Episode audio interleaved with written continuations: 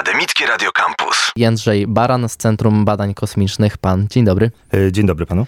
E, będziemy rozmawiać o misji Artemis 1, która ostatnio zakończyła się e, sukcesem. Rakieta wróciła na Ziemię.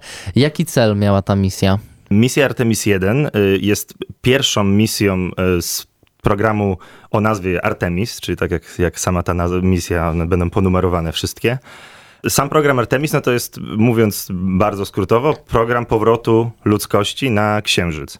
No i teraz misja Artemis 1 była pierwszą misją z serii trzech, które już są zaplanowane. I była to misja bezzałogowa. Kolejna będzie już z załogą na pokładzie. E, jaki był cel tej misji? No cel tej misji był właściwy dla w zasadzie wszystkich misji kosmicznych, dlatego że one, ponieważ są bardzo ryzykowne, a docelowo ta misja ma być misją z członkami załogi na pokładzie, więc jest, ryzyko jest tym większe, bo y, zawsze takie misje są trudniejsze. Ważne jest to, żeby sprawdzić wszystkie systemy, wszystkie podzespoły całego bardzo złożonego systemu, który docelowo ma doprowadzić do tego powrotu na Księżyc.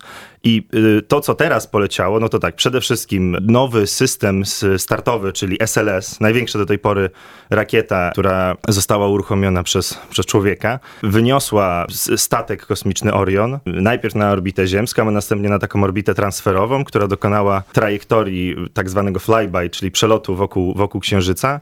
No i podczas tego, podczas tego lotu były testowane wszystkie podsystemy, takie jak e, ogniwa, panele fotowoltaiczne, które tam są, system nawigacji, e, no, sam, sama trajektoria, czy udało się ją zrealizować, wszystkie czujniki na pokładzie, także mnóstwo, mnóstwo systemów, które były rozwijane wiele lat. I wielu z nich się nie da przetestować na Ziemi, dlatego taki start był potrzebny. Mhm. Mówimy, że to jest powrót ludzkości na Księżyc. Dlaczego to jest powrót? Dlaczego, skoro już byliśmy tam, to misje e, wysyłające ludzi na Księżyc miały przerwę? To znaczy, tak, trzeba powiedzieć, że program Apollo był programem w dużej mierze podyktowanym politycznie. Chodziło o wygranie wyścigu kosmicznego mhm. i lądowanie człowieka na Księżycu uznane zostało jako taki finalny, wieńczący, koronny sukces, który można odnieść. No i udało się to Amerykanom. Natomiast tak naprawdę nie do końca przy ówczesnej technologii był sens utrzymywania obecności ludzkiej na Księżycu. Księżyc nie wydawał się ciekawy po misji Apollo. Przywieziono trochę kamieni, pobadano te kamienie i stwierdzono, no okej, okay, byliśmy, fajnie, udało się, wielkie osiągnięcie dla ludzkości. Natomiast późniejsze różne misje obserwacyjne Księżyca e, dowiodły tego, co chyba jest głównym celem w ogóle powrotu na Księżyc, a mianowicie na południowym biegunie Księżyca odkryto bardzo duże pokłady wody. To jest woda uwięziona, uwięziona w regolicie w mhm. formie lodowej. E, I jest e, taki bardzo mocny koncept, żeby tę wodę wydobywać w celu produkcji tlenu i wodoru, mhm. E, czyli docelowo tlenu do oddychania dla ludzi i wodoru do produkcji paliwa do rakiet. Czyli finalnym takim celem powrotu człowieka na Księżyc będzie stworzenie tam bazy, która umożliwi nam dalsze podróże kosmiczne. Czyli będziemy lądować trochę gdzie indziej niż lądowali tak. Amerykanie? Tak. Tak, dokładnie. Lądowanie docelowe, tam gdzie ma być faktycznie założona baza, ma być właśnie na tym południowym biegunie. Amerykanie lądowali bardziej powiedzmy na równiku Księżyca, jeśli można Aha. to tak nazwać.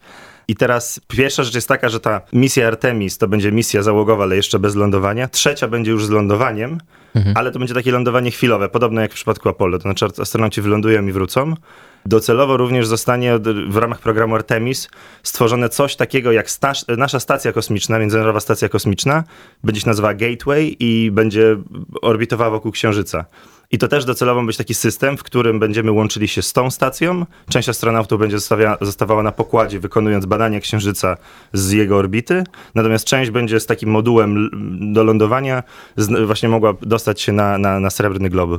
Mhm. Budujemy rakietę, wysyłamy ją w kosmos i czy to już jest wszystko obliczone, jak ona ma polecieć e, konkretnie, w takim sensie, że nie mamy z nią już żadnego kontaktu, jeżeli chodzi o jej sterowanie, jak ona już e, leci? Czy to jest tak, że sterujemy nią jak samolot za pomocą jakiegoś joysticka mhm. z bazy NASA? Czy to jest po prostu matematycznie, grawitacyjnie wszystko mhm. wyliczone i już jak wyślemy, to modlimy się, żeby wszystko było dobrze wyliczone, żeby ona poleciała tak, jak chcemy? To znaczy, nie jest ani tak, ani to znaczy, ma pan, ma pan rację w obydwu przypadkach. No, nie, absolutnie okay. nikt ręcznie nie steruje. Mhm. E, taki skomplikowany układ jak statek kosmiczny byłby w zasadzie prawie niemożliwy do wysterowania precyzyjnego e, przez człowieka, zwłaszcza z pewnej odległości od Ziemi, tak? Jeśli ten człowiek mhm. nie byłby na pokładzie ze względu na opóźnienia w przesyle sygnału.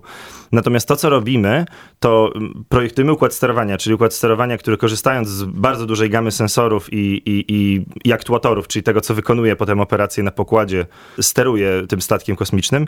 Natomiast komunikujemy się w trakcie tego z, za pomocą tak zwanych telekomend, czyli możemy po prostu nadając sygnał komunikować się z statkiem kosmicznym i odbierać od niego informacje na temat tego, co się z nim dzieje, gdzie jest, jak mu idzie. Oprócz tego też możemy obserwować go z Ziemi poprzez system różnych radarów, różnych teleskopów i tak dalej. To, co też było testowane w ramach misji Artemis, to faktycznie część, która jest w pełni autonomiczna, czyli był, był taki moment, kiedy rakieta schowała się za Księżycem, kiedy nie mogliśmy się z nią komunikować. I wówczas był taki fragment trajektorii, przelotu, kiedy, kiedy statek Orion faktycznie przelatywał autonomicznie, korzystając po prostu z zaprogramowanego wcześniej planu, nawigując tak podobnie trochę jakbyśmy nawigowali na Ziemi, na gwiazdy, nawigując na Księżyc, czyli systemem różnych kamer, czujników mógł odczytać, gdzie się znajduje i wykonać odpowiednie manewry w ten sposób. I to też się udało. No, ogólnie w misji Artemis 1 udało się wszystko to, co zaplanowano, także bardzo duży sukces, mimo że misja była opóźniona, no to... To, co za nami mamy już omówione, przejdźmy do e, przyszłości. Artemis 2 i 3 to są te już zaplanowane e, przyszłe misje. Kiedy one mają się odbyć? Y, no właśnie tutaj y, niestety te takie duże przedsięwzięcia jak teleskop Jamesa Webba czy program Artemis mają tendencję do, do opóźnień, więc y, wszyscy z branży kosmicznej powiedzmy słysząc, że Artemis 2 ma być w 2024 już trochę patrzą na to z przymrużeniem oka, bo najprawdopodobniej będzie to opóźnione, no i to jest jakby normalne, w, tak jak mówię, w takich dużych, trudnych przedsięwzięciach, ale tak, 24 to ma być Artemis 2, a chyba 27 Artemis 3. Też trzeba pamiętać, że samo przygotowanie tego systemu SLS, tego opartego różne stare rozwiązania, ale nowego systemu jest y, kosztowne, trwa długo. Żeby podać koszt, jeden, jeden taki, jedna taka misja Artemis 1, ta, która teraz była zrealizowana, były 4 miliardy dolarów żeby to faktycznie.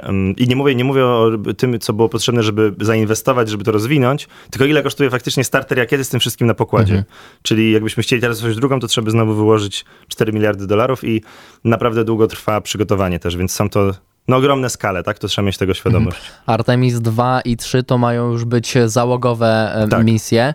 To kto ma polecieć? Czy z racji, że to NASA, to to będą zawsze Amerykanie, czy z racji, że NASA współpracuje w jakimś, w jakimś e, stopniu z ESA, czyli Europejską Agencją Kosmiczną, to mamy szansę, że to będą Europejczycy? E, ja myślę, że na pewno mamy szansę docelowo w programie Artemis, żeby to byli Europejczycy. Natomiast na pewno w tym kolejnym starcie było ogłoszone, że ma być trzech Amerykanów, jeden Kanadyjczyk. No i tak, na pewno, na pewno tam większość e, udziału będzie amerykańskiego, też dlatego, że duża część budżetu jest amerykańska i to przeważnie tak się odbywa, to znaczy kraje różne członkowskie czy organizacje, tak jak ESA, biorą udział w programie i trochę od ich zaangażowania finansowego zależy to, jak bardzo zostaną mm, uhonorowane e, członkami e, załogi, tak? Mhm. Natomiast docelowo, tak jak mówiłem w, w tym poprzednim wejściu, ten, y, ma być coś w rodzaju takiej stałej obecności, więc wtedy będą potrzebni i astronauci w tym gatewayu, który będzie orbitował Księżyc, i będą jacyś, którzy będą w tym samym czasie trenowani do kolejnych lotów z Ziemi, i dalej będzie ISS jeszcze przez chwilę mm, na orbicie, więc y, ogólnie ilość astronautów w użyciu znacznie się zwiększy, bo y, przypomnę, że teraz na Międzynarodowej Stacji Kosmicznej stała załoga to jest sześć osób, więc tak naprawdę w zasadzie non-stop jest sześciu astronautów, jest też chińska stacja kosmiczna, tam jest trzech astronautów, mhm. E, no ale spodziewamy się, że te, te liczby zrobią się znacznie większe, zwłaszcza jak zostanie faktycznie wybudowana baza na Księżycu z, ze stałą ludzką obecnością. Ostatnio ESA ogłosiła skład właśnie przyszłych astronautów. Nową klasę astronautów. Oni używają, to, to, są klasy, astronauci są w klasach, okay, tak jak w szkole. Przy, przyszłą, przyszłą klasę e, astronautów i wśród nich w tej szerokiej grupie jest Polak, Sławosz Uznański. Czy on ma szansę być drugim Polakiem, który w kosmos e, poleci? Jak dużą i kiedy?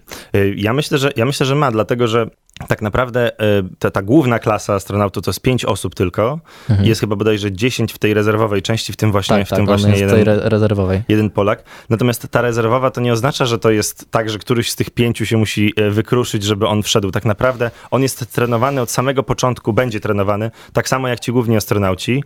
I to jest trochę w ten sposób przemyślane, że zależnie od tego, kiedy uda się zorganizować różne programy, no to właśnie kolejni astronauci będą włączeni. I tak jak mówiłem, to może się okazać, że jest ich potrzebne więcej. Dodatkowo to naprawdę nie jest proste wyszkolić astronauta. To nie jest tak, że do, dowolna osoba z ulicy po prostu mogłaby, żeby polecieć w kosmos ogólnie, tak turystycznie, jak to odbywało się w przeszłości, no to w zasadzie są takie podstawowe testy y, psychofizyczne, ale żeby faktycznie być w stanie tam wykonywać operacje, przeprowadzać eksperymenty, y, to po pierwsze trzeba mieć pewien zestaw umiejętności, które jakby klasyfikują osobę jako kandydata na astronautę. Ja przypomnę, że w tym konkursie E, w którym właśnie Polak również e, znalazł się wśród grona astronautów. Ponad 20 tysięcy, 25 chyba mhm, tysięcy mhm. osób się zgłosiło, więc... A wybrano no to, 17 osób. Tak, dokładnie, więc to też pokazuje pewien, pewną selekcję, jak, jak to jest bardzo skomplikowane i jak specyficzny zestaw cech trzeba, trzeba mieć, żeby móc znaleźć się w przestrzeni kosmicznej jako, mhm.